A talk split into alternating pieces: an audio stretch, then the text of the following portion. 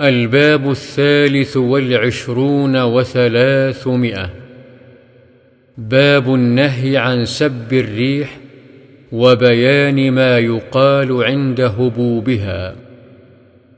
عن أبي المنذر أبي بن كعب رضي الله عنه قال قال رسول الله صلى الله عليه وسلم لا تسبوا الريح.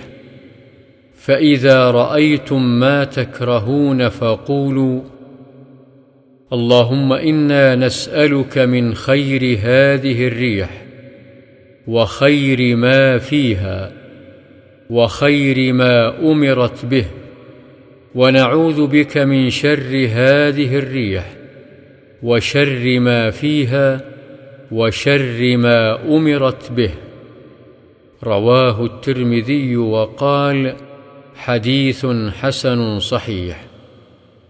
وعن أبي هريرة رضي الله عنه قال سمعت رسول الله صلى الله عليه وسلم يقول الريح من روح الله تأتي بالرحمة وتأتي بالعذاب فإذا رأيتموها فلا تسبوها وسلوا الله خيرها واستعيذوا بالله من شرها.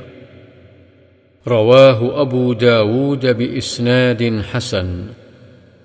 قوله من روح الله هو بفتح الراء أي رحمته بعباده.